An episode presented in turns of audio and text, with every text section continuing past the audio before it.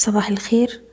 الرؤية الفنية لشركة الأهلي فاروس لتداول الأوراق المالية 30 نوفمبر 2021 امبارح مؤشر EGX 30 تراجع للجلسة التانية على التوالي وقفلنا عند مستوى 11212 وبكده نبقى قفلنا تحت أقل مستوى سجل الأسبوع اللي فات عند ال 11250 نقطة.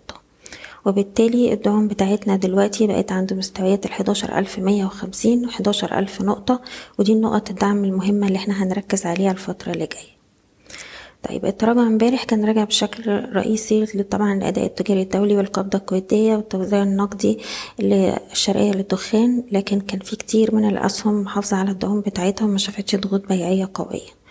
مهم جدا الفترة اللي جاية لو حصل تراجع إن إحنا نشوف إن التراجع بعدد محدود من الأسهم أحجام التداول تكون قليلة الأسهم ما بتكسرش الدعم بتاعتها ما بتعملش لهات جديدة ودي هتبقى إشارة مهمة جدا وهتأكد على رؤيتنا إن التراجع اللي إحنا فيه في الوقت الحالي ده ما هو إلا تصحيح في الاتجاه الصاعد. أول مستوى مقاومة عندنا دلوقتي بقى عند مستوى الحداشر ألف ربعمية وخمسين وأي وقت نكسر المستوى ده هتبقى إشارة إن إحنا هنجرب تاني على مستوى مقاومتنا الرئيسي عند سبعمية وتلاتين. بالنسبة للتجاري الدولي بنتكلم عليه كل يوم هو طبعا دلوقتي هو بيتداول تحت مستوى دعمه الواحد وخمسين ونص. أي ارتداد هيقرب من مستويات واحد وخمسين تمانين أو اتنين وخمسين. هتبقى فرص لتخفيف المراكز وبقى عندنا دعم دلوقتي عند مستويات الخمسين والتسعة وأربعين جنيه. هنركز دلوقتي على بعض الأسهم اللي كان فيها امبارح أحجام تداول عالية لفت نظرنا مثلا سهم مصر أسمنت إنا سهم امبارح كان فيه ارتفاع بأحجام تداول عالية. السهم دلوقتي بيجرب على مستوى مقاومته ال 14 جنيه وخمس قروش. لو قدر يكسر المقاومة دي بأحجام تداول عالية تبقى إشارة شراء والسهم هيستهدف أقرب مقاومة عند ال 15 جنيه وتلاتين قرش وأقرب دعم عندنا عند ال 12 جنيه خمسة وسبعين.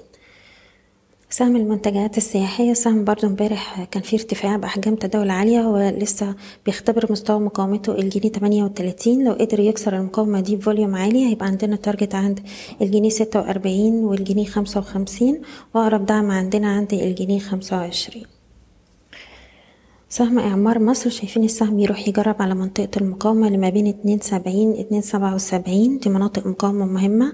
محتاجين نكسرها بأحجام تداول عالية علشان نقدر نحط مستهدفات أبعد.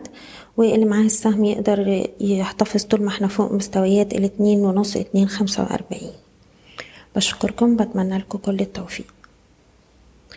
إيضاح الشركة غير مسؤولة عن أي قرارات استثمارية يتم اتخاذها بناء على هذا التسجيل. شكراً.